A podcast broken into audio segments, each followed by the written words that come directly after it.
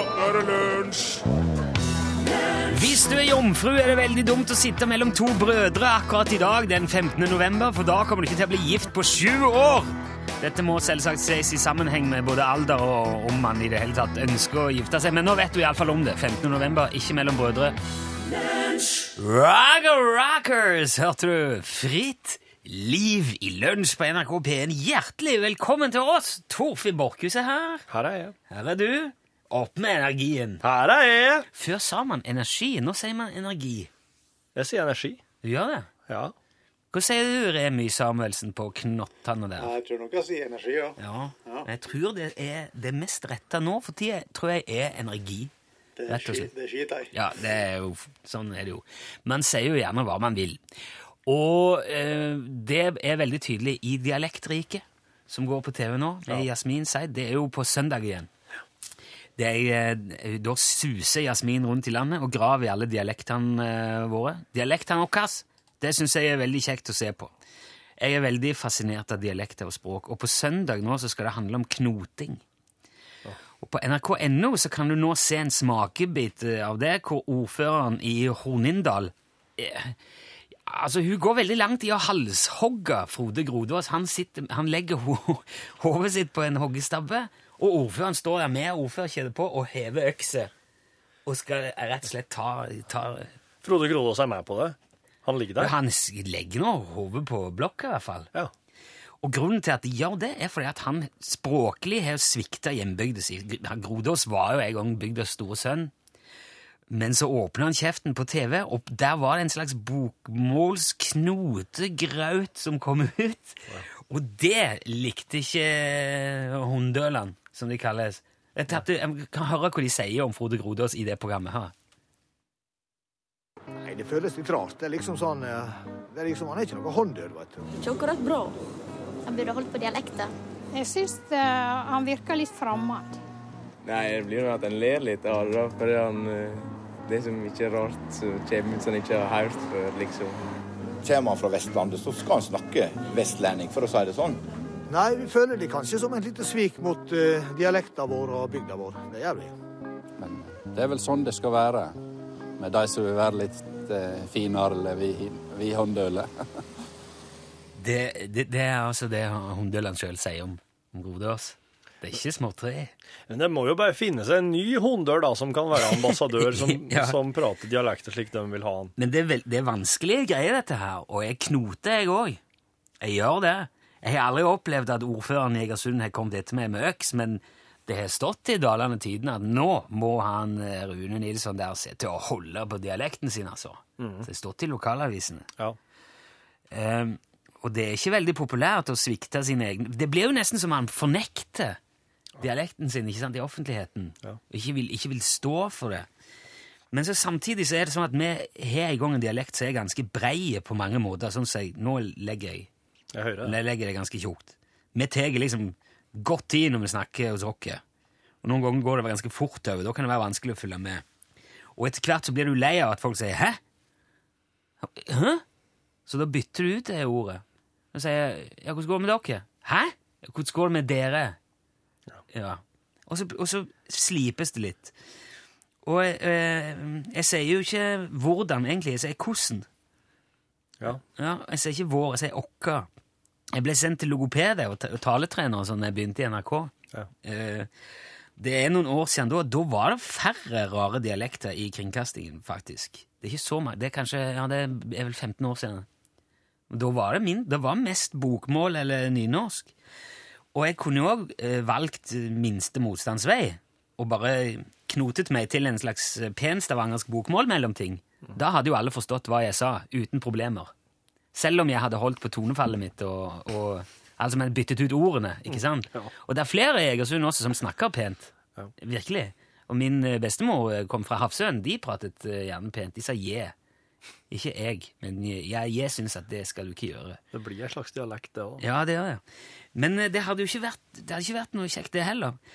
Men han logopeden som jeg var hos, han sa du må snakke runsk. Sånn. Må finne på, må finne på din egen dialekt. Jeg, Ja. altså, jeg måtte lage min egen dialekt, Ja. som de som hører radio, uansett hvor i landet de er, forstår. og som jeg var komfortabel med. Så det er det jeg snakker når Jeg snakker runsk. Ja, det tror jeg er ganske mange i radioen som gjør det. Ja, Men jeg snakker faktisk mindre runsk på radio nå enn jeg gjorde for ti år siden, fordi at folk forstår mer rare dialekter nå enn de gjorde før. Altså, du har blitt litt bredere igjen. Ja, jeg har jo det, og jeg håper jo det.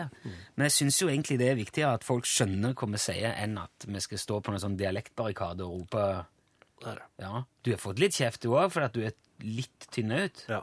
Ja. Men er ikke det greit, da? Jeg gir faen. jeg må si jeg syns det er veldig kjekt. Eh, For oss som kommer fra utkanten, så er det veldig stas. For det betyr at vi får òg være med og leke uten å måtte svikte hjemplassen vår. Og det skal du som hører på radio, ha takk for. Takk for at du forstår. Jeg håper du forsto alt jeg sa nå, og at det, det går så greit sånn stort sett. Det er bare å ha ørene på hodet, Ja. så går det. Hva jeg sier? Folk forstår det de vil. Det var norske Joni Mitchell. Ja, Ja, og Remi er jo i slekt med hun på et vis. På et vis. På et vis. Ja, for det, nei, eh, altså, det, hun er vel egentlig kanadisk. Dette har vi vært innom før her i lunsj, men en uh, farmor til Joni Mitchell var fra Hordaland. Et sted som jeg ikke helt husker nå. Uh, og det var oldeforeldrene av Joni Mitchell som flytta til eh, over dammen. Også, ja Ingeborg Gjertsdotter Farestveit Ok. kan uh, fòre over og Ja. for til Alberta i Canada. Ja. Så Joni Mitchell har norsk blod i årene. Farmor, altså. Hun var med på flyttelasset da hun var ganske liten. Og hun Ingeborg Farestveit hun ble da Emma Anderson. Emma Anderson! Ja. der, har du, det, så de knot, der, der knoter de til og med på navn. Når du kommer til utlandet, så må du knote på navnet ditt. For Joni Mitchell heter egentlig Roberta Joan Anderson. Ja. Det er fredag i dag, og det betyr at det er filmdag her i lunsj. Det innebærer at Trofinn anmelder din filmtittel basert på nettopp bare det. Tittel. Ja, det er lett. Det er Så flink er han. Filmanmeldertriks, men Ja. det må aldri si det til noen. Det er bare, men det er, altså, altså, jeg skal ikke gå inn på hvordan du lærer deg dette her, men når du først har lært det, så vil du, når du hører en tittel, få altså Hele anmeldelsen kommer bare flytende inn i hodet ditt for en plass ute i universet. Det forklarer ganske mye om de filmanmeldelsene man ofte ser på trykk rundt forbi. Ja, ja. Ikke sant? Forrige uke anmeldte du den norske musikalen Den harde betongsjåføren og hans myke sider. ja en mus fantastisk musical. Ja. Ja. Traileren foreligger jo nå eh, i regi av Remi Samuelsen. ja, den har vel premiere Jeg tror akkurat nå. Ja. Kommer snart. Jeg er så glad for Jeg er så glad for at jeg ikke lenger har vått hår. En forstadsmusikal om et lite musikalvennlig yrke. Her skal du få et stykke tøy. Du kan gjøre hva du vil. Du kan brette, strikke, sy. Og kanskje du får det til. En myk film som treffer deg et helt spesielt sted i kroppen. Jeg har ikke husker ingen verdens ting. Jeg har stått her siden klokka tre. Klokka tre, det var to timer. Eller fire, eller fem. Jeg har ikke peiling, jeg kan ikke huske det heller. Den harde betongsjåføren og hans myke sider. Straks på kino. Dette, det, det ble så vrient å lage trailer av en musical, kjære. Det var, eh, ble jo veldig oppstykka plutselig. Det ble tydelig hvor oppstykka en trailer faktisk er. Ja, den var litt vanskelig å få i hop. Ja, ja, ja, men jeg har, det har jeg tenkt på. Jeg vet ikke hvordan de gjør det når de klipper musical-trailere som proffen. Nei, du, det, Jeg tror det du, men det er jo Ja, det er jo eh, Jeg vet ikke, du må sikkert bare eh, logge den sånn fra, helt fra scratch. Ja. Fra fra bunnen av, tror jeg. Du kan ikke gjøre klipp og lime i en eksisterende Nei. Nei. Vi skal jo selvfølgelig anmelde en film i dag. Du skal anmelde en film i dag òg. Mm. Og du har ytra et ønske om en klassisk roadmovie i dag. Ja, en norsk sånn eh, Norsk film som forflytter seg eh, veldig sånn eh, Gjerne en person som legger ut på ei, ei reise, både indre og ytre, men ja, det er jo det ytre oss eh, hører mest av i radiosammenheng. da. Det er litt sånn Thelma Louise-aktig. Eller Nord. Nord er jo en strålende norsk roadmovie. Ja. Men, men det trengs en til. Ja, Trolljegerne er på en måte en slags roadmovie. Ja, ja. De, de fær i hvert fall, og kommer i mange forskjellige situasjoner, det er det som karakteriserer det. Ja.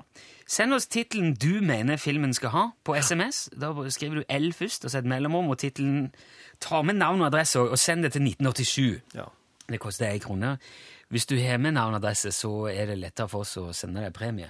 Det er vi veldig glad i. Premiere. Hvis du ikke har med navn og adresse, så orker ikke jeg begynne å søke opp navn og adresse på nummer for å sende premie, bare så det er sagt.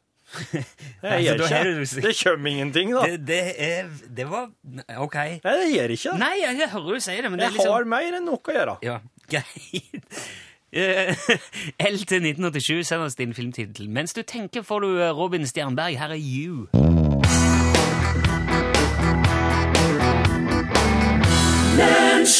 Robin Stjernberg der. Låten het You.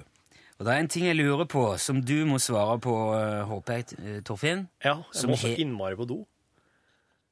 Hva, hvorfor, Kan jeg- hvorfor har du ikke gått på do før sending? Nei, jeg satt jo og prata her nå mens vi hørte You. Å ja, nei, jeg skulle jo gått under låta, men Men kan, må du gå nå, kan, eller kan jeg spørre deg om dette? Okay, Klarer du å ja, holde spør deg. Ja, ja, gå fort, da. Ja, gå... Nei, pff, dette her er Du har jo så staselig skjegg, det er det jeg mener. Det er derfor jeg gjerne vil spørre deg om at Torfinn har mye skjegg. Han er trimma det nå. Ja, ja, Og nå kan jeg se ansiktskonturene til Torfinn. Det er, litt, det er hyggelig, for nå har du fått mimikk igjen. Ja. Mm. Tidligere var det bare en haug med hår, så jeg måtte høre veldig godt etter hva du sa. Ja, det må han gjøre. Det er jo november nå, det er mange som lar barten gro. Ja. Og jeg er blant den delen av befolkningen som har veld, jeg har særdeles beskjeden skjeggvekst. Jeg har aldri brydd meg om det der Movember-greiene. Nei, nei. For- Og, kona mi sier må ikke, For det at hun mener jeg ser bare skitten ut i ansiktet hvis jeg lar ting gro. Sier kjerringa di det? Ja, hun gjør det. Da. Men så sto jeg her litt ute i Movember. Jeg var forrige uke, så det, var, det er ikke helt ordentlig Movember. Men jeg sto med barberhøvelen i neven på badet, og så tenkte jeg Kom jeg bare hoppe over overleppa nå? Ja. Og så ser jeg hva som skjer. Ser hvor dumt det blir. Ja. Så gjorde jeg det.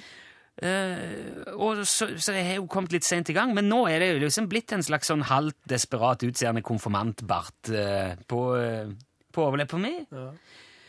Og har ingen illusjon om å ende opp med noe flott, staselig snurrebart inn i nåtid. Det er rent sånn personlig eksperiment. Jeg har, lyst til å, jeg har aldri prøvd det før, Nei. så jeg skal bare se hvor det ender opp med. Veldig bra.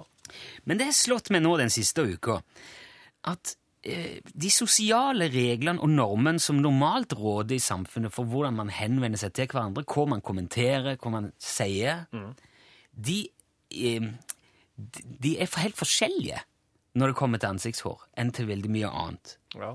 Er, stemmer det? Jeg har opplevd enorm åpenhet rundt det her med å kommentere skjegg og slikt, men det handler jo om at jeg har jo ganske mye hårvekst. Ja. Og da er i hvert fall ikke folk redd for å si det første de sier. Oi, skjeggot! Oi, hårrot! Ja. Oi, bart. Oi, skjegg. Men det er jo ikke akseptabelt å gjøre narr av folks frisyre. Eller antrekk på den måten. Sminke det, eller Nei. Ikke på samme måten, nei.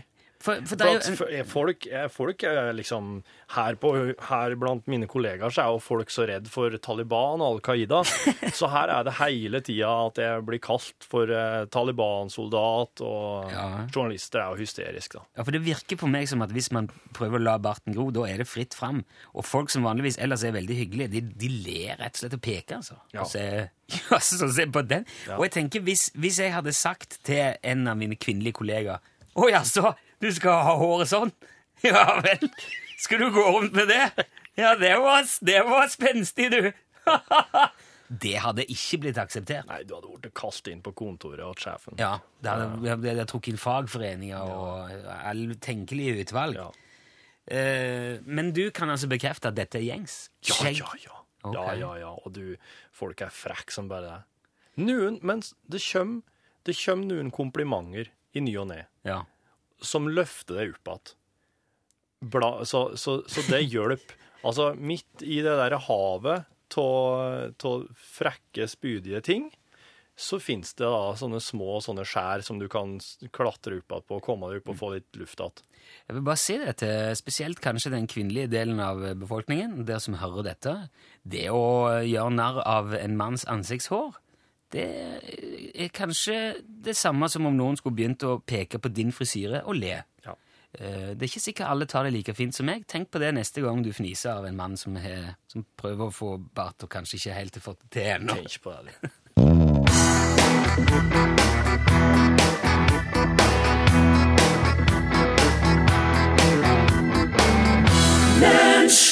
Der fikk du Thomas Dybdahl, 'This love is here to stay'. Jeg var borti et sånn eh, Jeg var en, jeg var en tur til gamleonkelen min i går. Oi, Stig. Stig Ørving. Og så hadde jeg fått et sånn artig, et sånn artig spørsmål som jeg så på, på Facebook, som var sånn derre sånn, Hvis du er på ei øde øy, hva vil du ete? Type Ja, det, det, Hvis du kunne velge deg ett måltid du skulle spise resten av livet, bare én rett, hvor skulle det vært? Ja, så altså, var du på ei øde øy, og, så, Ja. ja. så det bare kom over meg at jeg skulle, skulle fyre det spørsmålet der på han. Nei, Oi. ja, Ja det, kan, ja, det er jo spennende. det er artig å stille sånn Han er jo en gammel kar. Ja. Og så hører jeg liksom hva, hva tenker dem om den slags type problemstillinger. Ja. Ja. Nei, men jeg hadde, jeg hadde på opptakeren. Selvfølgelig. Her hører du, her hører du. Og slik kan en hel elg bli julegave til hele slekta, hvis du deler den opp riktig. OK. Ja. Men du, Stig. Ja. Hvis du, hvis du bare hadde kunnet ete en matrett resten av livet, hva, hva ville du hvis, hvis du hadde stranda på ei øde øy, og du bare hadde kunnet ete en matrett resten av livet, hva hadde du valgt da? Jeg hadde vel blitt kokosnøtter og urin, eller? Nei, men Hva slags Hva slags valg? Ja, men Hvis jeg hadde flott i land med vrakrester som hadde innhelt mat oppi seg, så hadde jeg så klart ete det for å variere imellom kokosnøtten. For å, ikke for sjølbruk, eller for å variere, bare. Nei, men det fins ikke vrakrester, da. Hvorfor gjør det ikke det? Ja, men du bare ramla over bord. Ja, men de, de, de skal de kommer da vel og leite etter meg. Ja, men du var for deg sjøl i, bå du var for deg selv i båten. Jeg for meg sjøl i en båt midt ute på havet, jeg som ikke har båtlappen engang? Ja. Ja, det er utrolig dumt. Ja, der var du. Ja, da fortjener jeg egentlig å leve på urin en stund. Ja, men hør nå. Poen, altså, poenget er at du kan velge hva som helst. Hva slags ødøy er dette her, egentlig? Det er en helt ødøy midt ute ut i Stillehavet. Helt ute av andre folk. Er det noe dyr, da? Nei, det er ingen dyr. Er det noen planter, da?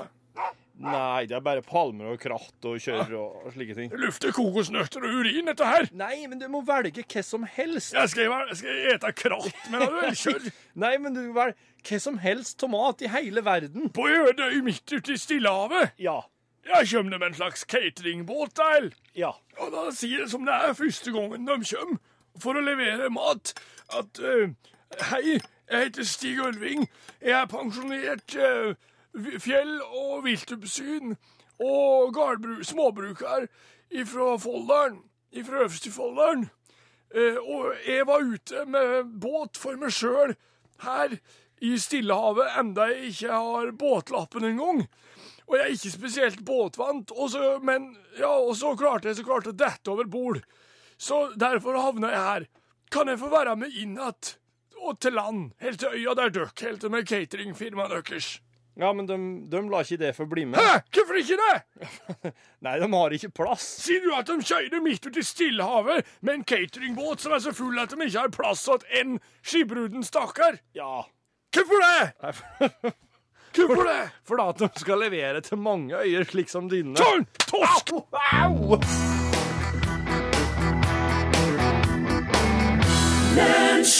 Stupid Cupid sang Connie Francis for deg idet vi er kommet fram til denne fredagens filmanmeldelse. og jeg sitter jo og leser gjennom det som kommer inn av, av filmtitler som skal anmeldes. Torfinn jobber så blyet knaser her med sine forberedelser. Han vet ennå ikke helt hvor hva det er eh, som kommer til å bli filmtittelen. Det er jo testen, det. For du, må jo vise at du kan det, ta dette her på sittende rumpe. Eh, Det har kommet som sagt veldig mange fine forslag her. Inspirert av broen vil jeg lansere doen, skriver selv- selveste. Ja, den er fin. Ja. Trafikkontrolløren fra Statens vegvesen som mester noe på veien. Sier Frode. Det er, det er jo en eh, roadmovie, absolutt. Ja. Bonden som ikke kunne stelle hjemme, men Lars kunne vært en bra film. Trollstigen på sommerdekk i november. Se, Inge. Eldes med verdighet. Nei takk! Skriver Mie. Ok. Ja, nei, det, Der er det jo åpent for veldig mye action. Haldis jordmor og morkakene. Du, Tommy? Brøytebilsjåførens uh, reise til julestjerne. Flasketuten peker på. Hvor ble det av budeiene i de norske heiene? Men den som jeg har landa på, det er en, em, det er en filmtittel som er veldig åpen, og som jeg syns er veldig spennende, og som er eh, sannsynligvis satt sammen av den yngste filmtittelskaperen vi har hatt med oss noen gang. Jeg syns han er veldig fin.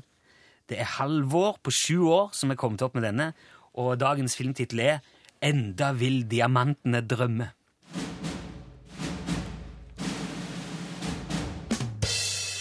Enda vil diamantene drømme er en ny norsk roadmovie fra Sjur Volden. Regissør som eh, har gjort eh, har etter hvert fått seg et internasjonalt navn. Det er veldig spennende å se hva Volden nå dukker opp med her på hjemmebane, at dette har vært såpass mange år i Sør-Afrika. Eh, Så Sjur Volden har altså begynner hele, restarte hele karrieren sin som regissør her i heimlandet med Enda vil diamantene drømme. Det her er ei reise, eh, ikke bare geografisk, men òg eh, psykisk. Det er vanskelig å sjøl egentlig hva det er, om situasjonene er virkelig, eller om det faktisk bare foregår på et metaplan som oss får lov å se enten gjennom inn i hjernen på hovedpersonen Philip, eller om det er, eh, eller om det er en slags kollektiv bevissthet å se. Og skal nå høre et klipp fra filmen der eh, Philip er eh, i jungelen i lag med en no, eh, Der han får ideen til den reisa si. Åh, hva, hva, var det? Hva er det her? Hva, hvem, er du? hvem er du? Er du Snakker du til meg, eller? Ja, ja det er det jeg snakker Ja, jeg visste ikke at jeg var her engang. Du vekte meg. Ja, hva gjør du her? Hva, hvorfor? Ja, men hva gjør jeg Hva gjør du her? Jeg sover her ute. Du er ute etter Jeg er diamanten vår. Nei, jeg er på Du er hvit mann som kommer for å ta diamanten vår. Ja, jeg er- Hvorfor er du her, Jeg er din skjeggete fyr? Jeg er på helt vanlig safari. Hørt meg. Safari? Ja, jeg, jeg kjøpte meg, jeg kjøpte meg er fra Norge. Nettbrowseren til Apple? Nei, jeg er fra Åh, har dere løver her i leiren? Vi har både løver og elefanter. Hva vil du ha? Nei, jeg skal ikke ha noen ting. Jeg kjøpte meg bare billetter. Jeg er på en såkalt sånn eh, Jeg er på en sånn eh, lavbudsjetts eh, safari. Jeg, og jeg har med meg telt og sovepose og alt det der. Nettbrowser and Apple? Nei, jeg har ikke med meg nettbrowseren til hva, hva, hva vet du om nettbrowseren til Apple? Jeg har iPhone. Enda vil diamantene drømme Uh, handle, om, handle om Philip, som, eh, som er på en, eh, det han tror er en helt vanlig safari.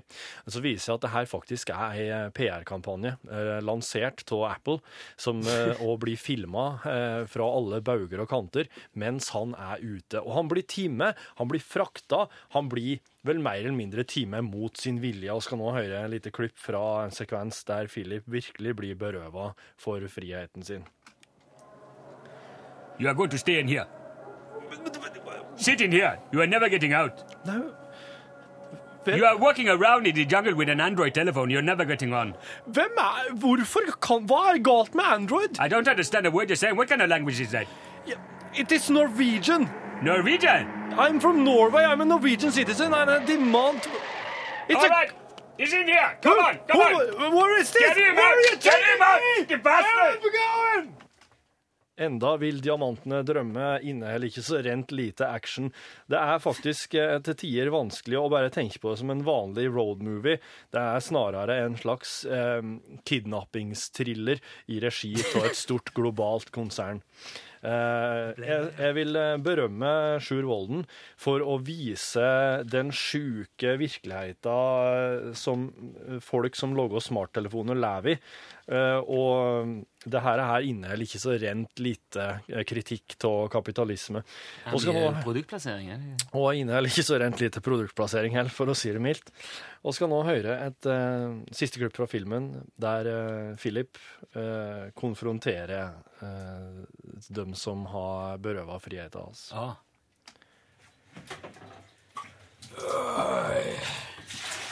Stopp!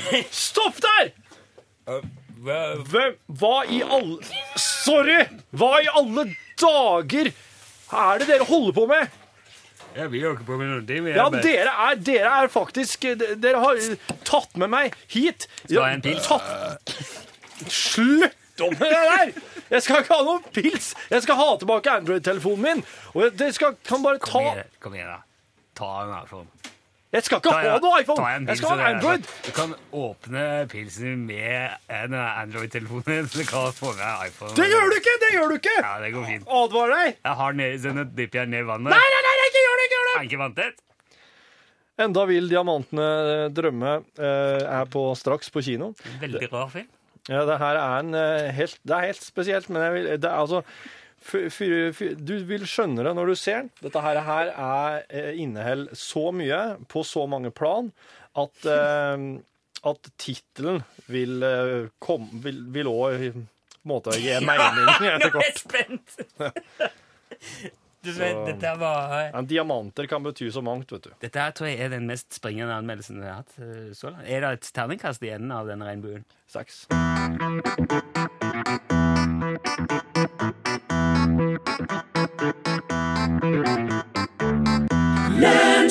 Flower in Bloom var det de sang High Red eh, på radioen. Jeg har gjort klar en liten sånn eh, e, eh, kalles det enhetsquiz. Å oh, ja! Ja. At du skal gjette hva, hva, hva slags type størrelse jeg, jeg, jeg angir. Jeg, jeg sier, altså hvis jeg sier at um, det fins en størrelse som, som kalles Google.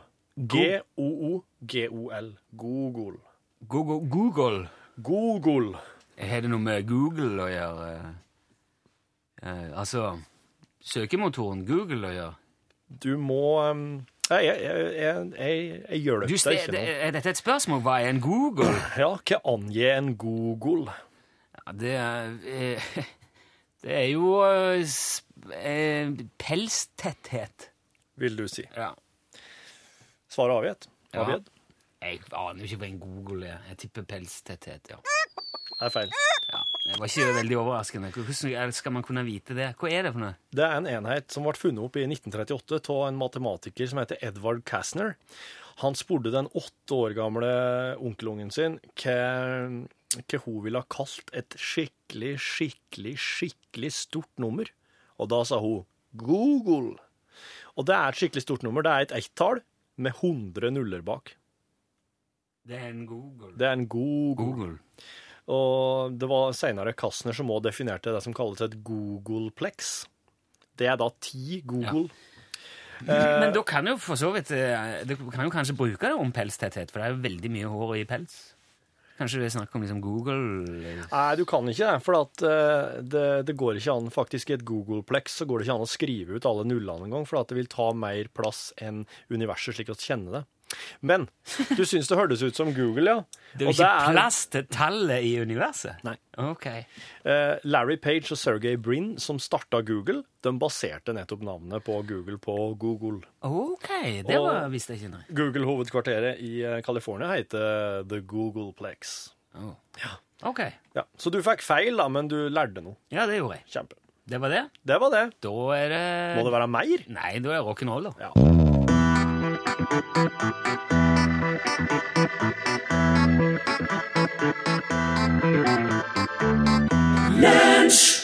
Jett and The Blackhearts og I Love Rackin' Roll. En sånn låt som man ikke kanskje nødvendigvis klikker på når man ser den i ei spilleliste, fordi man tenker den er så lei, men så hører du den, og så er du ikke lei den likevel. Den er jo så tøff. Og i hvert fall på en fredag, når man kanskje skal ut en tur blant andre mennesker og være interessant. Da er det lurt å ha i bakhånd samtaleemner, fiffige fakta, artige anekdoter, ting som man kan trekke ut ermet og framstå som intelligent og interessant. Mm. Vil du ha litt av det? Ja takk. Du kan for eksempel, hvis du møter noen som er blond, så kan du si, visste du at bare 2 av verdens befolkning er blond?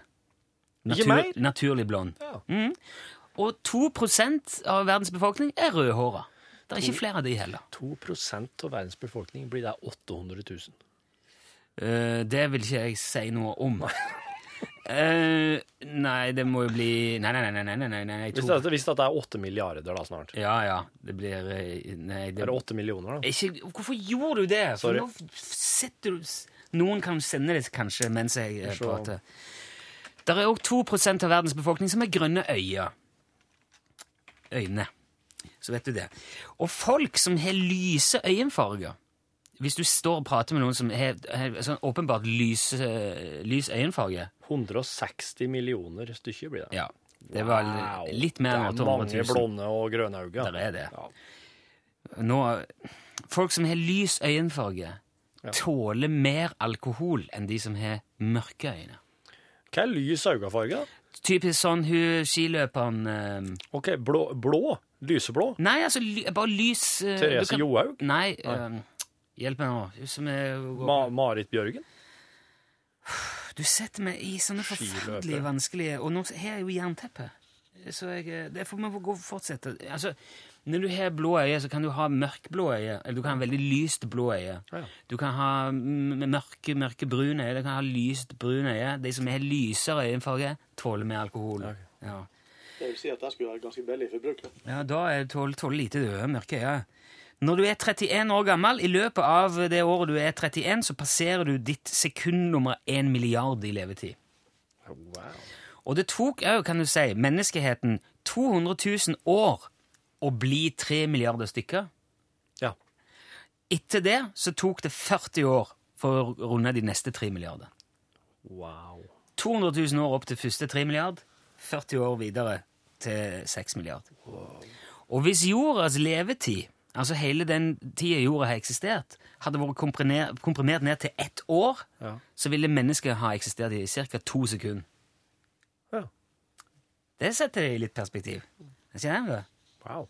Og så kan du òg se hvis du, hvis du klarer å framstå veldig eh, intelligent når du prater med Si du eksempel prater med en kvinne, da. Ja. du som mann, så kan du si det. Visste du at eh, jo høyere in, Nei, jo mer intelligent en mann er, jo mer trofast er han.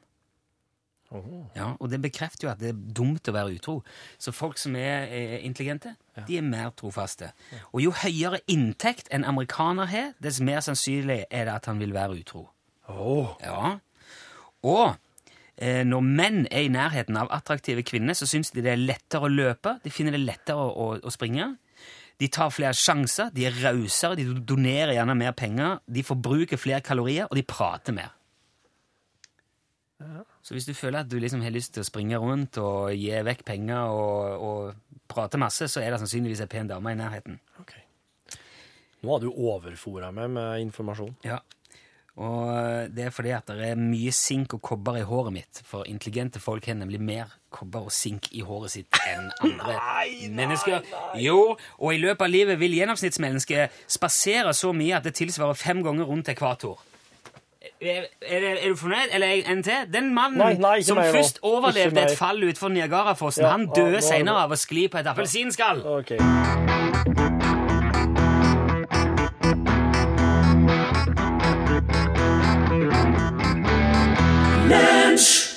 Trygve Skau var det du hørte der, og låten het Heldig. Vibeke Skofterud var det selvfølgelig jeg prøvde å komme på navnet på i farten. Fikk masse god hjelp på SMS. Tusen takk. Hun er veldig lys blå, veldig pene, veldig lys blå øyne. Jeg har bilder av her på skjermen. Ser du det, Torfinn? Så da tåler hun Mer alkohol enn deg. Det skal vi jaggu prøve å se på, Det ja. skal bli to om, Vibeke. Skofterud, hvis du hører på nå. Det Du, her er skal ikke, du, eh, må, du kan ikke bare hive i Ja, du er litt lysbrun Hvilken farge er på øynene dine? Hildesal. Jeg vet ikke helt. Jeg skifter litt med dagsformen. Oh. Men det kan være at det, enten så er de blå, eller så er de grønne. Eller en plass midt imellom. Okay, for Hvis de hadde vært brune, så hadde de vært litt lyse. Ja, det Men er de de ikke. grønne så er de litt mørke, så da tåler du ikke så mye alkohol. Det kan du se. Men du tåler vel desto mer godt stoff i programmet Norgesklasse? Å, kan skynde deg gjøre. Det var en veldig fin overgang. Ikke Rune. Gratulerer med den. Eh, I dag i Norgesklasse så skal vi ta tak litt i dette herrene som skjer mellom Norge og Sverige nå. Hæ? Der altså sitter de og slenger ut med stygge ting om oss nordmenn, og vi er så fæle, og ja. Men de vet jo åpenbart ikke nok om oss nordmenn. Og da kan det jo tenkes at vi nordmenn ikke vet noe om dem. Så vi i Norgesklasse i dag skal rett og slett ha en aldri så liten Sverigeskole. Det blir veldig bra. En slags forbrødringsgreie. Ja, det er veldig viktig dette i 2003. Så bra. Men aller først så får vi nyhetene her i NRK P1. Ja, der sa han et sant ord. OK. Hei. Skal vi se. Det var, nei, det var helt feil innstilling. Nå må du holde deg fast. Nå blir det bråk. Det ble rett. Sånn. Det der skjønner jeg Jeg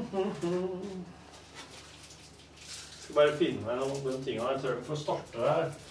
Skjønner at jeg er nødt til å gå litt tidlig. Jeg har gått veldig mye tidligere likevel. Og det er ikke fordi jeg er så sløv og slapp, men fordi det er så mye forskjellig. Uh, så at Tida før jul har en tendens til å bare virkelig eh, tette seg til. Men i, eh, det, er, det er veldig mye e-post fra dere som eh, oss, som oss ikke har fått eh, Som oss ikke har fått eh, behandla i programmet. Det beklager oss sjølsagt. Eh, men eh, jeg har nå en ambisjon om å få om å få gått gjennom litt her nå. Eh, em, eksempel eh, Rune Pune eh, har skrevet til oss i en e-post. Em, det her, er jo da podkast 7-Eleven, står det. Det vil jo si den 7. november, da. Bandet. Bandet hans Eldar. Kan du være Bajage du tenker på, Børk? Et feiende flott navn som er en forfranskning. Populær selskapslek i totenske brennevinslag på 70- og 80-tallet av ordet bajas. Forfranskning. Er forfranskning en selskapsleik? Oi. Bajas var visstnok en fin beskrivelse av bandets sceneshow. Ah, bajasj! Så det er rett og slett bare bajaseri. Bajasj. Bajasj. Rundepunnet, Raufoss Rock City. Tusen takk, Rundepunnet. Det var bra. Det var bra trivia om, eh, om navnet Bajasj, for jeg har lurt på, jeg har søkt på det, googla det, men det kommer jo ikke opp noe annet enn NM i rock eh, en eller annen gang på 70-tallet, når de deltok med det. Og eh, referanser til Eldar Vågan sitt første band og sånn. Og Rundpundet sitter jo og skriver mens han hører på, så når jeg etter hvert kommer på Bajasj, så følger han opp med Øy, ti poeng! Men det var jo, Jeg googla jo, Rundpundet, det var ikke bare at jeg, jeg, måtte google. Og så skriver Rundpundet hakket seinere inn på samme tråd her. Bo Diddley spiller jo òg på den Amerikaplata til Vazelina. Bo Diddley! Wow! Kan for øvrig anbefale Vazelina-museet i Hunndalen. Ja, dit har jeg lyst til å dra. Men eh, jeg forsto at det er drivet, det er sånn privatdrevet.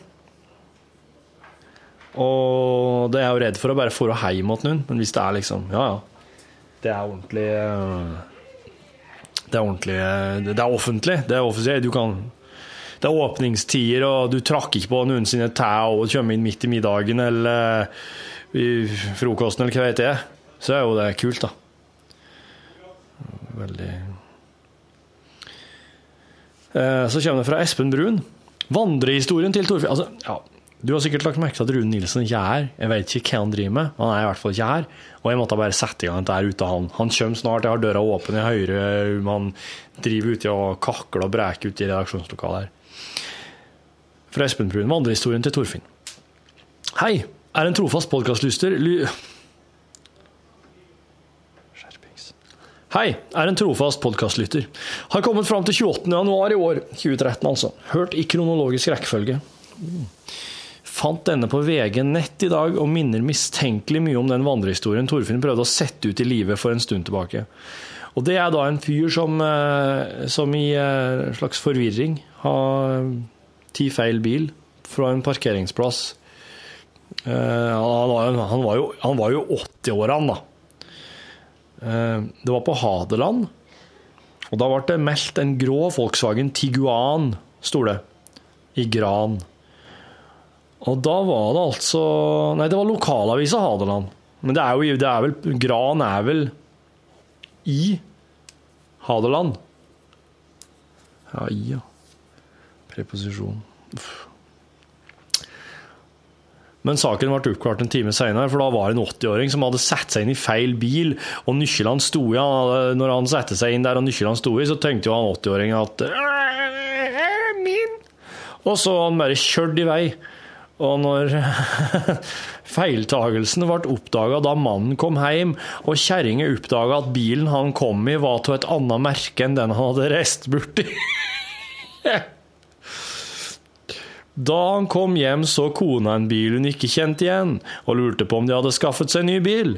Da oppdaget mannen at han hadde tatt feil bil, sier operasjonsleder til Oppland Arbeiderblad, og legger til til hans, til hans forsvar så skal det sies at han for ikke så lenge siden hadde kjøpt seg ny bil, og bilen han satte seg inn i på fredagen var til helt, var helt lik farge. Og da skal bileieren ha sett det humoristiske i saken. Slå for deg, tenker jeg. Hvis han ikke har gjort det, så har han gjort det 'killing in the name of' der. Eh, så ja, Espen Det minner veldig, men det her, det her tror jeg er the real shit. Det er ikke en 80-åring som har gjort det her for at han har hørt det på Jo, det kan jo være det, faktisk òg. Det syns jeg i så fall er veldig rørende.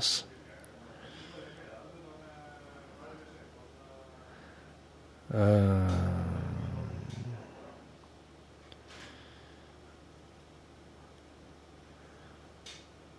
Hva var det jeg skulle si? Jo, nei. Jeg skulle si at uh, i dag så de, Nå om dagen så er det liksom Jeg tror at hele det utvida redaksjonsmiljøet vårt begynner å bli sånn veldig sukkeravhengig. For at nå, nå er det slik at hvis det ikke står noen søtsaker ute på bordet her ute i redaksjonen, så, så kommer det tvert. Da kan det være at noen bare springer på bunnprisen og kjøper en pose Twist, altså. Folk som aldri har bokka før, virker det som, begynner plutselig å bokke. Så nå tror jeg at eh, de har blitt Jeg er sikkert avhengig, jeg òg. Men i dag var det Twist, da. Og det ligger jo bare kokos og banantvist igjen, vet du. Det er jo kjempeflaks, for det er jo det jeg liker best. Helt så er det rett og slett eh, noen som gjør det bare for å være ålreit med meg. Det kan jo hende jeg har venner i redaksjonslokalet Altså som eh, vil meg godt. Jeg tror ikke det er noen der som vil meg vondt, men jeg, men jeg, jeg har liksom ikke Jeg har bare tenkt på meg sjøl som den stygge andungen, da. Her, eh, her i eh, Altså det er kveldsåpent, og det er norgesglasset, og det er pils, i hvert fall halve Nei, ikke pils. Eh, Radio Rock. Halve Radio Rock. Eh, Brunsj sendes herifra. Eh. Så den gjengen der, da. Det er liksom ikke helt Jeg tenker bare at jeg må nå bare gå inn og gjøre jobben og gå igjen når jobben er gjort. Så ikke forvent noe mer. Jeg forventer ikke at noen skal bare begynne å omfavne meg og knytte varige bånd og den slags. Eh, Absolutt ikke, altså. På den annen side så kan jeg jo ingenting annet heller. Jeg har jo glemt helt hvordan han lager skigard, så jeg vet da faen hva jeg skulle funnet på hvis jeg ikke kunne drive her og råle og vase. Men det hadde alltid blitt rå, da. Kunne alltid stjålet garn. Begynt med sau. Sjøl om jeg er litt allergisk. Men du så ja, han fyren som ble kåra til årets bondehåp eller bondesjel, eller årets unge inspirasjonslandbruker, eller hva, nå de kaller det, da. Han var jo så allergisk sjøl. Jeg tror han heter eh, Han har så kort uh, etternavn. Kristoffer Ju? Nei. Mju? Nei. Tju. Tju. Tu. Ku. Nei, ikke ku. Mm. Mm. Pu? Pu. Nei, han spiller i hvert fall i han spiller gitar i The South. Og nok i ett band til òg, tror jeg. De spiller jo mange, vet du. slutt på den tida der en uh, musiker spilte bare i ett band, og det var det. Vi må spille i mange nå, for å få det til å gå rundt.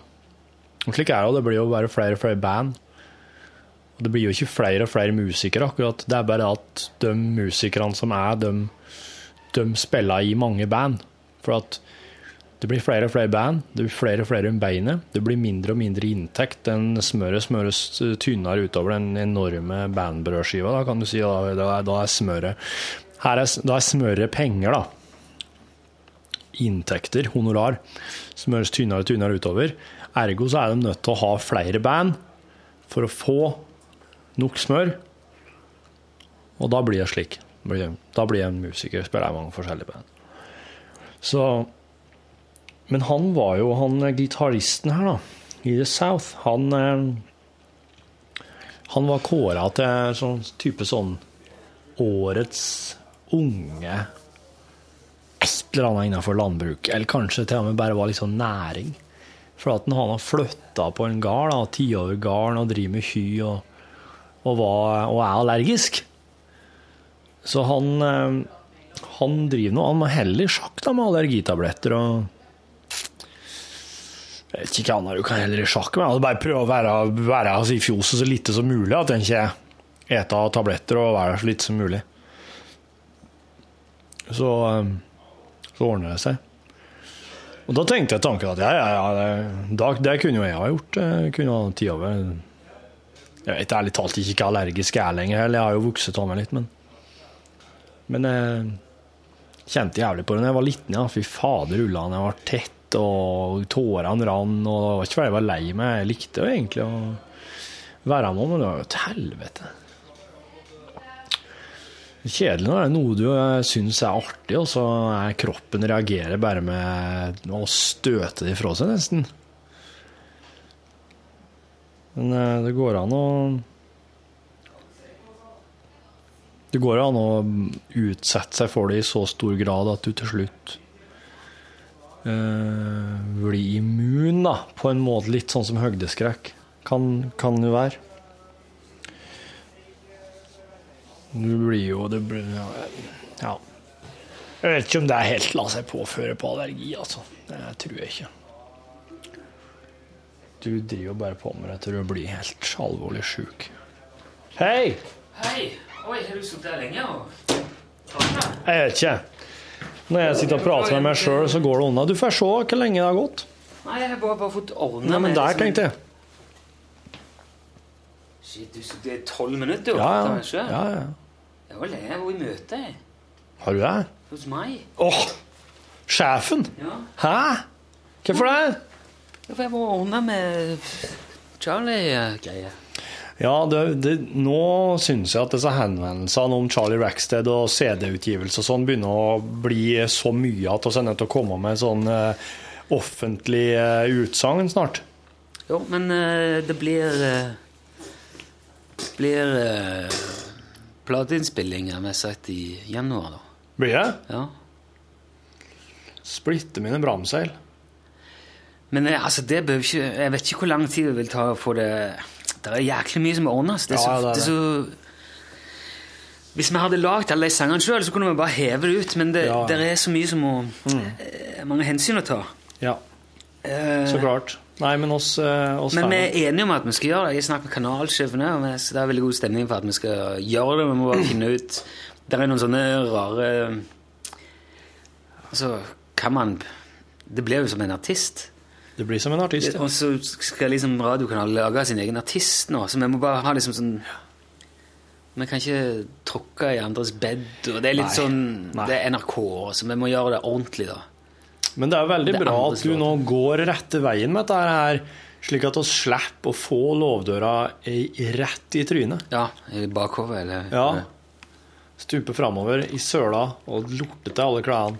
Nei, men til, til dere som lurer, blir Charlie eh, Det blir Charlie Ja. eh, i litt mer på, i, på en eller annen måte. Ja. Det som kan stoppe det, da, er hvis alle artistene sier Nei, det får du ikke lov til med min sang.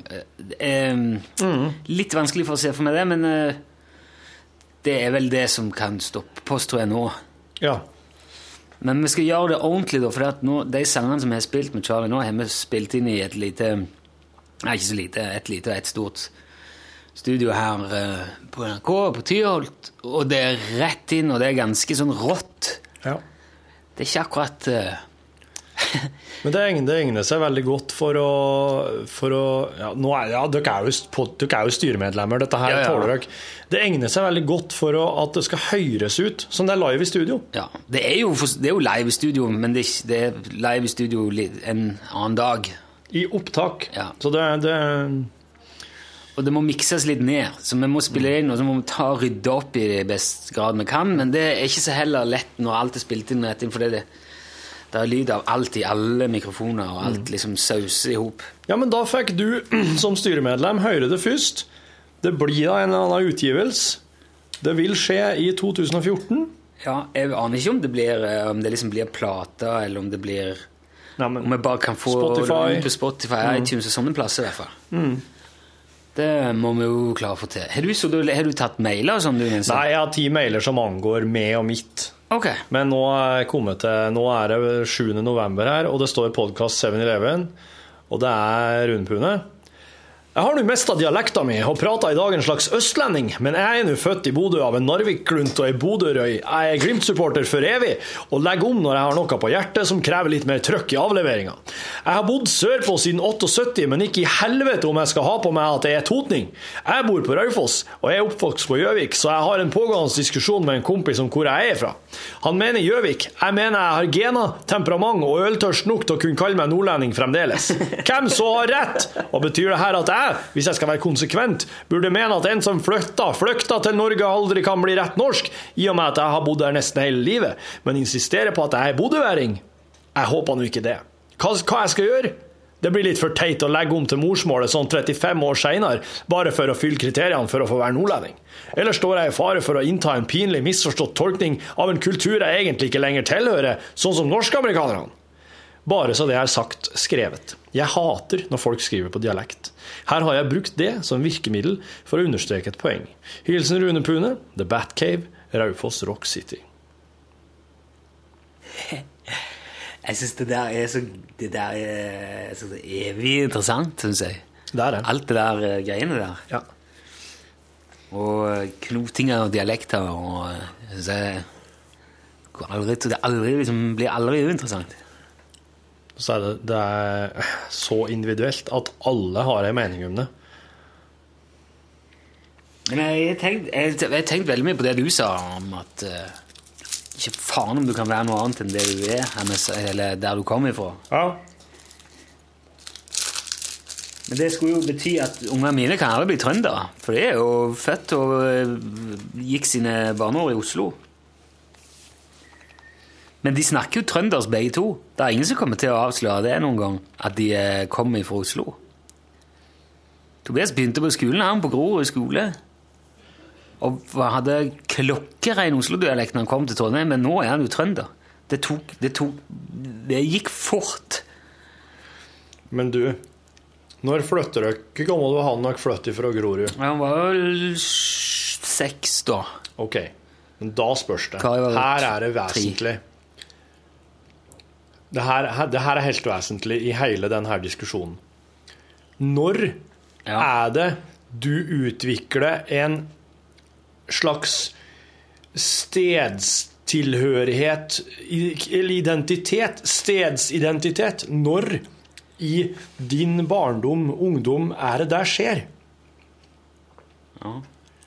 For, og eksempel unger eh, La oss si en, en sørkoreansk unge som blir bortadoptert til Norge. Ja. eh, vil kanskje ikke ha et snev av stedstilhørighet i seg. Identitet. Men, altså sørkoreansk. Men, eh, men derimot ekstremt eh, alvdalstilhørighet. Ja, ja. ja. Altså, Jasmin Zaid sjøl, som kommer fra hun er, altså, hun er vel indisk far, er det det? Hun Ja. snakket om eh, på et av programmene. Hun kommer til Norge fra England, tror jeg hun var. Ja. Hun var ganske lita. Jeg lurer på om hun var to, eller noe sånt. Ja. Så, men du kan jo se på henne at, hun, at en av foreldrene hennes ikke er eh, norsk. Ja. Hun er litt mørkere, hun har litt, mer sånn- litt sånn indiske trekk. Mm. Men hun er jo Vinje tvers gjennom. Mhm. Dialekten og eh, bunaden og alt er jo bare inni hodet hennes. Ja. Ja. Det bli? Så det skjer med andre ord etter fylte sju år, da. Kanskje. Nei, jeg vet ikke, jeg tror ikke det er opp til oss. Jeg tror det er veldig individuelt. Det. Nei, for det her, her er jo, det er jo eh, I forhold til sønnen din, da, så vil det jo være egentlig bare å spørre han Hva føler du det som? Ja.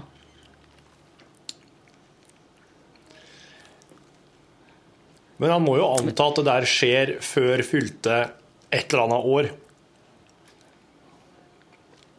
Ja.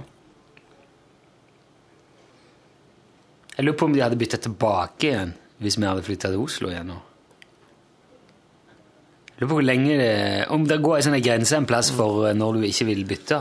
Eller om det ligger mer i, i Er det mer være sånn individuelt?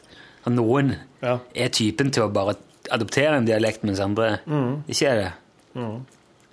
Det var ei annen som var med i eh, Dialektriket. Hun hadde to dialekter. Hun veksla bare mellom de. hun, hun Mm. Alt etter hvorfor bruk. Ja, da er du rå, da. Sending 6. november pluss blanda uttrykk.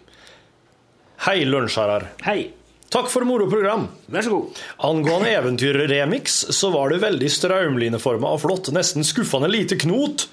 Jeg er av samme improviserende legning som Torfinn, så litt slark i valsen er bare moro, men uansett godt jobba.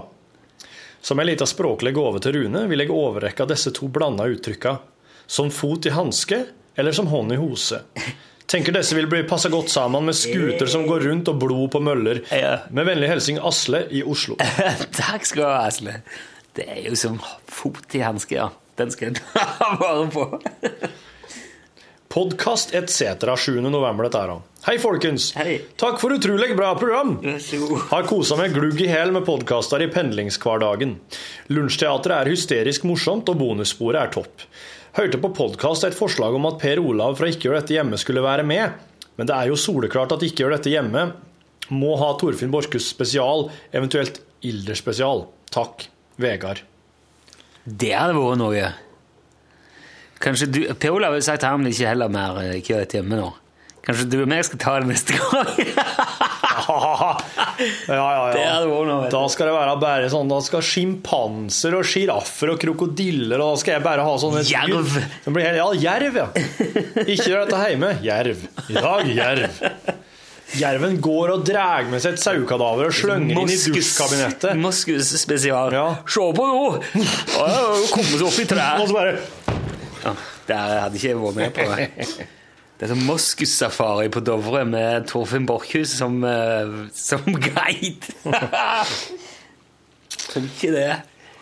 Um, fra Ole Kristian, podkaster fra forrige uke og uka før der igjen, så her kommer det mye rart. Hei gutta, god mandag. Hei sant. Har snart hørt meg opp nå. Noe som er Mandag, ja. Uff, vi ligger etter her. Det er fredag. Ja, men det her- men det er jo Ti men- Tid er Ja. podkast. ja, den er Har snart hørt meg opp nå. Noe som er todelt. Det er alltid hyggelig å kunne se at det ligger en 28 podkaster fra lunsj inne på poden. Uansett hva verden slenger i fjeset på en, har en alltid noen timer med trofaste stemmer liggende for hånden. Men ved å være oppdatert blir jo kommunikasjonen en god del raskere. Spørsmål fra dere. Er underlaget for høyt ved f.eks. Lunsjteatret? Ja, vil jeg si. Selv om jeg ikke kan nevne noen konkrete eksempler, kan bare nevne at jeg har stusset over høy lyd på underlaget ved flere anledninger. Aldri det motsatte. Betyr ikke at det aldri har vært for lavt, tror bare at det er mindre ødeleggende for innholdet den veien. Ja, det her er jo en, eh, en Det her er en pågående ting. UTS, vær så god, er en god ting. Enkel og morsom greie. Var med før sommerferien, men følte jeg måtte gi meg. Hadde vært artig å bli oppringt i undervisningssammenheng, og plutselig tatt opp mobilen midt i klasserommet for så å ha svart 'Utslagsnes Transport og Skarv, vær så god'. Men sleit med å rettferdiggjøre det at jeg skulle kunne gå med mobil på meg for en konkurranse mens elevene måtte ha mobilen slått av. Ja, for det radiokonkurranse. Ja. Derfor ikke påmeldt. Men jeg meldte på fattern. Han liker lunsj. Lytter til det mens han kjører ut hjelpemidler til folk. Han måtte drilles litt, og vi begynte å svare UTS vær så god uansett når på døgnet vi tok telefonen. Så hver gang jeg slo på tråden, lød det tydelig UTS vær så god fra fattern. Nå har det seg slik at fattern sitter i styret i idrettslaget Ram Eiker og har nøkkelansvar til klubbhuset. En gammel skole. En dag blir han oppringt og svarer standhaftig som vanlig 'Utslagsnes Sandsbro Oskar, vær så god', hvorpå de i andre enden blir stille, før det usikkert, usikkert lyder «Øh, det, det er Kjell, eller? Lurte nemlig bare på om det var mulig å leie skolen til helga. Resten av samtalen går vanlig. Litt seinere på dagen blir fattern ringt opp igjen av samme mann. Like sikkert som sola svarer fattern igjen. 'Utslagsnes Transport skal vær så god'. Ingen nøling fra den andre enden denne gangen. Samtalen er kort, og det avtales tid for utlevering av nøkkelen. Da fattern seinere på kvelden leverer fra seg nøkkelen, spør han for moro skyld om hva han tenkte om hvordan han hadde presentert seg på telefonen. «Eh, Nei, det er vel bare å gratulere, det. Gratulere, spør fattern. Ja, med ny jobb. Dermed var det et faktum. UTS hadde skaffet seg nok en ansatt. Med ønske om en lite blå mandag og en, go og et, en god uke. Hilsen Ole Krasj. Ja, takk, Ole. Takk, Ole. Det var artig. Den, det var fin, da. Han er jo UTS-ansatt, han faren der, da. Absolutt. Jeg får, så, jeg får av og til så lyst til å Jeg hører om sånn Ja. Jeg får så lyst til å ringe og Jeg spurte om jeg ikke kunne ringe Ringe en og gratulere med 50-årsdagen. Altså var veldig sånn eh, UTS-ivrig UTS med jeg kan, kan, kan jo ikke liksom snike meg i køen for Eh, og det så jeg jo litt for seint, så jeg fikk ikke gjort noe sånn utenom med det heller, dessverre. Men jeg sendte ham en bursdagsgave, da. Ja. Eh, det er så gøy, syns jeg, at eh, det blir sånn gjengfølelse. Ja. Det blir det. Det er virkelig det er jo gjengangere her, veldig mye òg, men samtidig mange nye òg. Det vokser til. Så mye koseligere med ting som er Derfor radio er så mye gøyere enn TV. Så mye koseligere og inkluderende og nært og personlig enn fjernsyn, som er et horemedium for drittsekker og spyfolk. Nei, ikke sånn, men det er mye gøyere enn radio. Og så har fått en uh, podkast fra Per Oskar. Hei, har ikke så ofte mulighet til å høre lunsj når jeg går på radio, så jeg laster ned podkasten. Podkasten er jævlig bra! Spesielt bonusbiten etter sendingen. Nå har jeg hørt samtlige podkaster fram til 9.11.2012, og det har vært mye gull. Når incelsgubben kommer på besøk, ler jeg meg skatt, og må som regel holde opp med det jeg driver med, i fare for å ødelegge noe eller skade meg. Så bra er det. Ja, han savner jeg, altså. Han savner Han var så tung å dra! Han var så jævlig tung å dra. Ja, men apropos dialekt, han prater jo en dialekt som du Altså, du er helt, helt nødt til å spørre om igjen og om igjen, og virkelig hele tida eh, høre 100% etter hva som blir sagt. Så der er noe for dialektrika. Altså, det er jo noe tips om Jasmin om den innenlands da stakkar leverhummeren.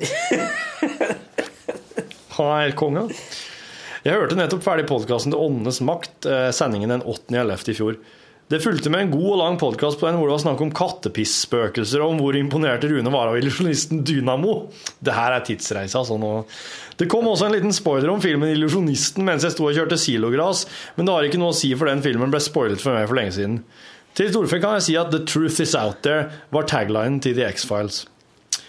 Takk. På slutten av podkasten ble lovet ut en lunsjboks med plaster på årets såret til de som gadd å høre den ferdig. Gjelder dette tilbudet fortsatt? Jeg er klar over at det er et over, over et år siden, men jeg ville likevel høre etter. Ja, det skal så ordne. Selvfølgelig står det, og jeg har sagt at jeg trenger adresse, og jeg har fått svar. Jeg vet ikke hvordan podkastene blir i fremtiden. Altså Min framtid og deres fortid er jo ett år på etterskudd. Men så langt har det vært topp underholdning. Jeg kjører mye på det når jeg kjører traktor i ånda, jobber som avløser eller driver med vedarbeid. En gang mens jeg vasket fjøs, hadde jeg lunsj på øret i ca. seks timer i strekk. Når jeg var ferdig med arbeidet, var tankene mine byttet ut med en folder og en egersundværing som fortalte hva jeg skulle spise til middag, osv. Så, så langt har det ikke vært noen dårlige podkaster. Keep up the good work. Hilsen Per Oskar. ok. Jeg tror du har noe ræva elendige i vente. Deres fortid er min framtid, skrev han på et tidspunkt. Ikke? Jo. Det syns jeg var et fantastisk utsagn. Der Einstein hadde velta seg i det der. Og jeg eh, som sagt, jeg har fått eh, adressen til Pørskar, så jeg skal sende den med en gang nå etterpå. Jeg må huske. Vet du, da tror jeg jeg har funnet Da har jeg faktisk vært innom alle podkastene som har kommet. Ajour. Da er jeg a jour, ja. Alle e-postene som har kommet med. Alle e-postene.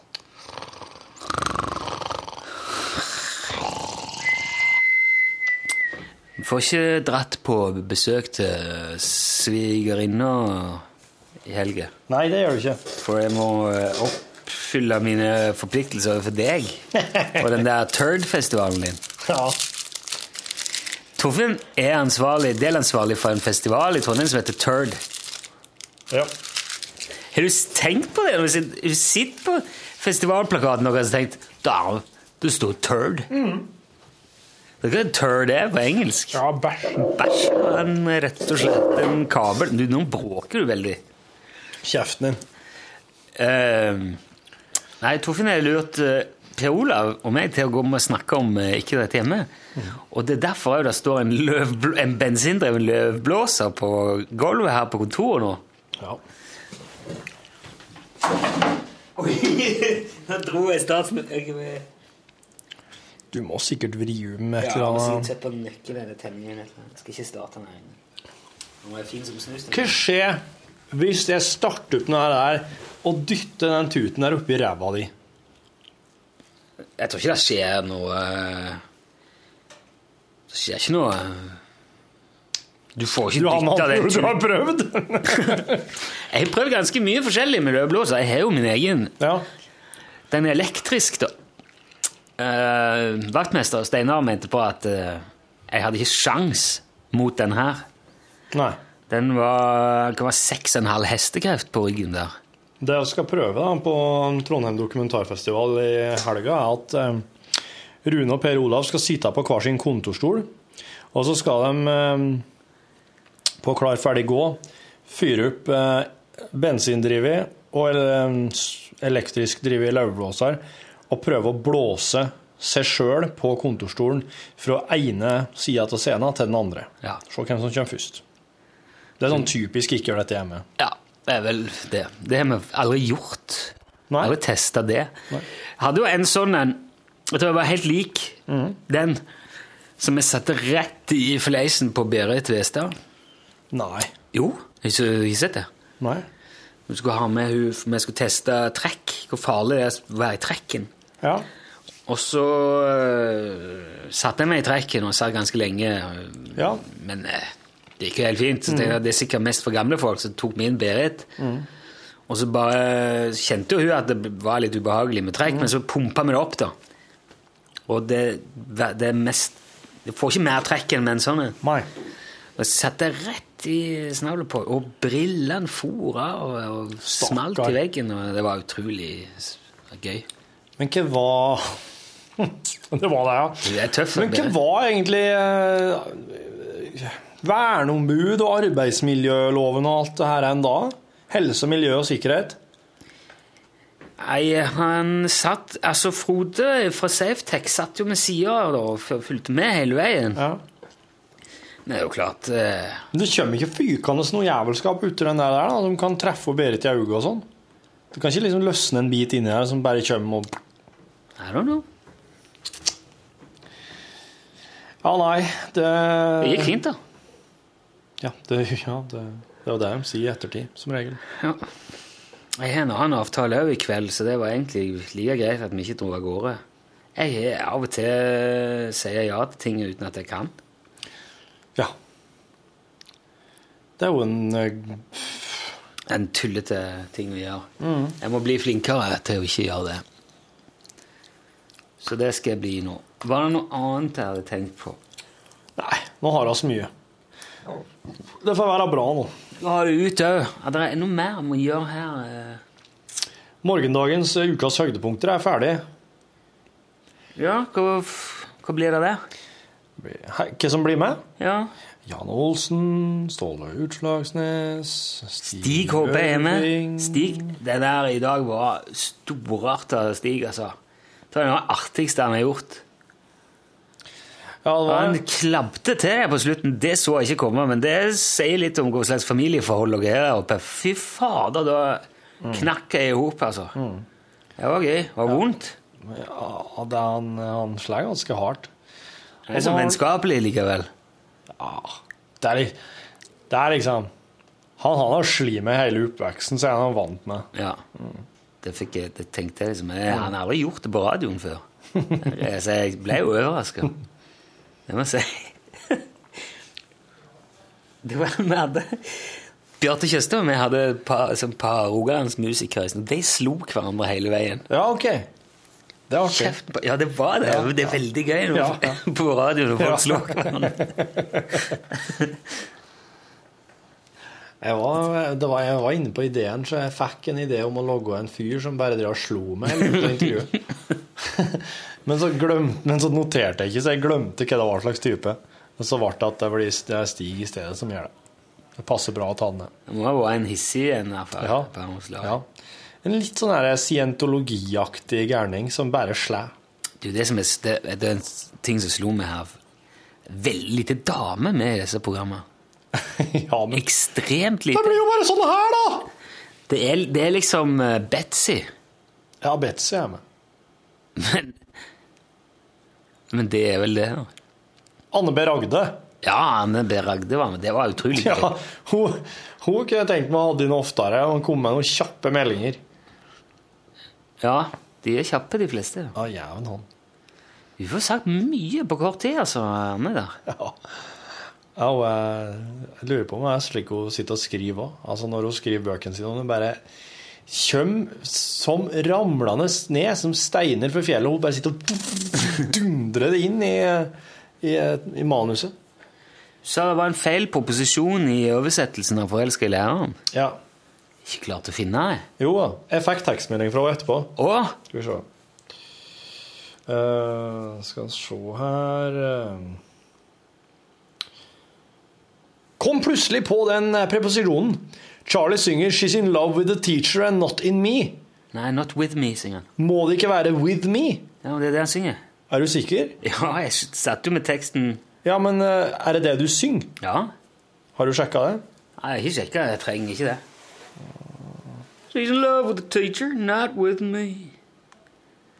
Nei, han synger ikke det.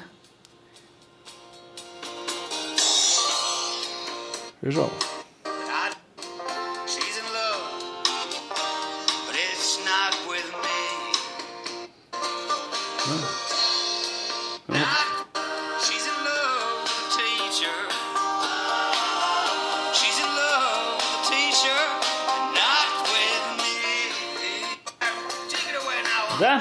She says, he says, Nei, det she's Jeg har hørt det nå. Se om det kommer flere, vet du. Du mener at det plutselig skal bytte om? Nei, jeg kan ikke forstå. Nei. Komme her og si at Charlie Rax er ordentlig norsk-amerikaner tar feil av preposisjoner. Mexico i dag var gloriøst, skrev hun. Gloriøst. Det var i går, da. Ja. Så hyggelig. Du er på melding eh, med Anne B. Ragde, du, altså? Ja, hun begynte å tekste meg med eh, i vår, når Are hadde sending, for da satt hun og hørte på. Da når Are drev og prater, så sier han så mye grammatisk feil, så hun bare drev Blør fra øra! Blør fra øra! Kom det inn tekstmelding. Så siden det har vi helt sånn sporadisk tekstmeldingkontakt, men jeg har aldri truffet Anne før så når jeg så henne utafor her i går. Da måtte jeg jo bare røske taket og få meg inn hit, for jeg vet jo at hun vet, hun vet hva lunsj er. Og da er det så mye lettere å få med folk på det. Ja, ja, ja. For at når de kommer og setter seg i stolen her, så sier de hva, hva er det her for noe? Hva som skal skje nå? Og så sier, sier oss ja, han setter seg her og prater skit uten noe mål og mening i en halvtimes tid, og så klipper oss ingenting, og så legger oss det rett ut for nedlasting. Ok! Da er, ja, ok, sier noen, mens andre sier Oi. Det er vel ikke slik dere gjør det? På radio? Ja. Nei, jeg gjør ikke det. Jeg, jeg ringte jo til Jonas Fjell. Ja. Fordi jeg skulle eh, be om lov til å sende Mexico. Ja. For Jonas Fjell har skrevet låta der. Det er Lynni Trekrem som har skrevet teksten, han har skrevet melodien. ja. Klarte jeg ikke få tak i Lynni. Jeg har snakket med hennes nærmeste familie, men jeg har ikke fått tak i henne, så jeg håper at det var greit. Men det sa de at det var det nok. Men så jeg ringte til Jonas Fjell, som jeg jo er fan av. altså, Det er jo selveste Jonas Fjell. De er alltid litt så, jeg synes det er alltid litt sånn skummelt å ringe til de der som artister med sånn kjente, meritterte Og presentere meg så fint som jeg kan. Og så er jeg innenfor for NRK P1, programshow til lunsj. Ja, det har jeg hørt! Så. Ja, da ble det litt lettere. Ja, det er jo det. Men jeg blir alltid litt, jeg blir alltid litt overraska over Ja vel, så gøy, flott, så hyggelig, da. Jeg har hørt det. Ja, ja. Syns det er stas. Men du måtte ikke liksom ringe noen manager og be pent om å få jeg kan ikke forstå at det skulle være noe feil med det. Så. Nei, men jeg mener for å få tak i den. Nei, jeg fikk via en, eh, fikk Ja. via en Ja. Han heter jo ikke Jonas Fjell, da. Han heter noe annet. Å ja, ja. Ja, men uh, For meg så heter han Jonas Fjell. Ja. Nei, uh, Jonas Fjell var visstnok en uh, romanfigur, en slags Om det var krim Ja, krim, ja. ja. Og vet du hvem som skrev bøkene? Du? Ja da. Eh, Hva fader, han er jo Det er hardkokt, vet du. Ja. Nei, det er for Jeg kjenner jo historien? eh? Altså, om hvordan eh, artisten Jonas Fjell tok Nei, det. han tok det navnet etter den, eh, den fig litterære figuren, Jonas Fjell. Men så var det noe med at den figuren der var, han var så ekstremt helt. Han var så veldig norsk og arisk, og han var så høy og blond og erke liksom arisk ble det på et tidspunkt. At han som skrev bøkene, ble liksom kvalm. Han måtte bare kvitte seg med hele fyren. Og det hadde visst litt med både krigstid og Herman eh, Ja, Du husker ikke? Nei, jeg husker ikke. Ok, nei, da så. Um, Ikke Herman Willis, i hvert fall. Men det Hvis det var det du tenkte? Nei, jeg tenkte på Skal vi se. Å, Du store min. Du, jeg, for at eh, jeg mener Steffen Kvernland har tegna ei eh, Jonas Kjell-historie. Men ja, Det står på Wikipedia Han er heter egentlig Terje Jensen, så men Det er mer eh, sånn klassisk, sjø.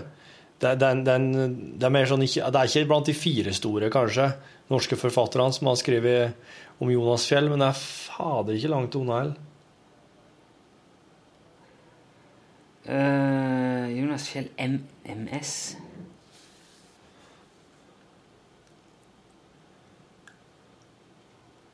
Å oh, ja. Eh, Nei, jeg, jeg finner ikke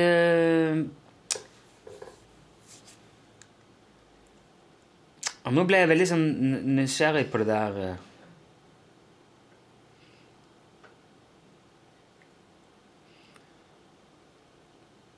Hva hva søker jeg på for å få liksom den andre Jonas? Kanskje det er Fjell med dobbel L? Nei. Nå søker jeg på Ja. Frikk. Frikk? Det var Robert som fortalte meg om dette. Robert Sæther fortalte meg om det. Øvre Richter Frikk. Hæ? Øvre Richter Frisch, eller Frikk. Ja. Det er forfatteren. Født 1872, død 1945. Øvre Richter Fri... Ja, det er sikkert Frisch, F-R-I-C-H. Født i Trondheim, norsk journalist og forfatter. Han debuterte som forfatter i 1911 med De knyttede never, og skrev ca. 70 fantasifulle kriminalromaner og guttebøker, bl.a. en kriminalserie om legenden, nei, legen Jonas Fjell. Ja. Øvre Richter Fri... Øvre Richter Frikk Frikk Richter. Frikk. Ja, er, jeg veit ikke hvordan han skal uttale det. Men han, ja, det her er en eh, Det her er Men en står det noe om den der figuren, om at han liksom måtte Han kunne ikke ha For det, dette stemmer veldig Altså, han eh, Altså, opp mot inn i 30-årene, da, Ja. så tror jeg det ble veldig sånn påfallende at, at det fikk en sånn negativ klang, da. Med, Ja, eller, ja. eller en sånn negativ forbindelse med han der eh, så kjempe-norsk-nordiske Ja, ja. For at han ble jo etter hvert eh, det var jo, Han ble jo nesten sånn symbolet på alt det nazistene elska. Ja, ja. Så han hadde egentlig lagd en, en nazistisk rollemodell, og det var han ikke noe særlig komfortabel med, etter som jeg forsto. da. Jeg kjenner som sagt ikke historien inngående, annet enn det jeg akkurat fikk fortalt her i går. Det hørtes jo eh, interessant ut. Jonas Fjell, bokserien, ja. Men det er i hvert fall det som har inspirert Jonas Fjell til å ta det synonymet. Litteraturforskeren Willy Dahl omtalte i 1975 Øvre Richter eh, Frick som den norske trivialitteraturens mest erklærte rasist og voldsromantiker. Han er antikommunist av det mest vulgære, hetsende slag. Oi! Hovedpersonen Jonas Fjell er så arisk man kan komme. Høy som en kjempe, sterk som en okse, blondt hår, lys hud og blå øyne. Han er lynskarp, alltid iskald og utdannet lege og kirurg. Likevel er han et naturtalent med diverse våpen, sprengstoff, maskiner, fly. I det hele tatt et naturtalent for alt. Og en drapsmaskin når villdyret våkner. Altså, for en film det her skal bli! Fiendene hans er nesten alltid utlendinger, gjerne jøder, russere eller sydamerikanere. Oi! Fy fader, nei. Frick var likevel verken nazist eller fascist, selv om han var rasist. Han var et barn av samtidens syn på andre land og kulturer. Han hata bolsjevik-kommunismen, forakta nazismen og fascismen og rynker på noe sånt av kapitalismen. Han er en nasjonalist, og han hyller de beste sider ved det norske monarkidemokrati som eksisterte i hans tid. Wow! Helsike! Ikke sikkert det bør bli noen film lell, men Det, det, det, det der fikk jeg, kjente jeg fikk veldig lyst til å lese. Det må jeg sjekke ut. Fjell-serien er gitt ut på nytt flere ganger, selv om den åpenbare rasismen som uttrykkes i bøkene, virker sjokkerende for lesere som er ukjent med mellomkrigstidens populærlitteratur. Men han døde jo eh, 15. mai 45. Altså, det er jo rett etter Rett etter frigjøringen? Ja.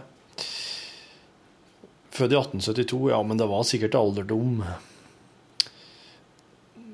Wow, det der eh, Dæven. Han var trønder òg, ja. Ja. Burde sikkert være mulig å få tak i de bøkene her. De knyttede never er den som eh, Steffen Kverneland har tegna. Det er jo eh, Det er voldsorgie, det. ja. Hvis du liker Kverneland og hans strek, så skal du se Jonas Fjell. Ja, ass. han har kjæver som Oslo-operaen. Ja, ok. Det er helt Ja, konge. Reinskåret. Det er, rein- det er, han, han ser ut som en snøhættearkitektur. Han er ikke Jonas Fjell. Well, well, that was the podcast, every boy and girl. Oh, holy crap, it's 47 minutes. Å, herregud. hva- Tror du jeg skal klippe inn, eller? Nei, nei, nei. nei, nei. Ha det. Men nå stopper jeg nå, så kan vi jo bare få det ut. Ja, gutt. Ha god helg, da! Hør flere podkaster på nrk.no podkast.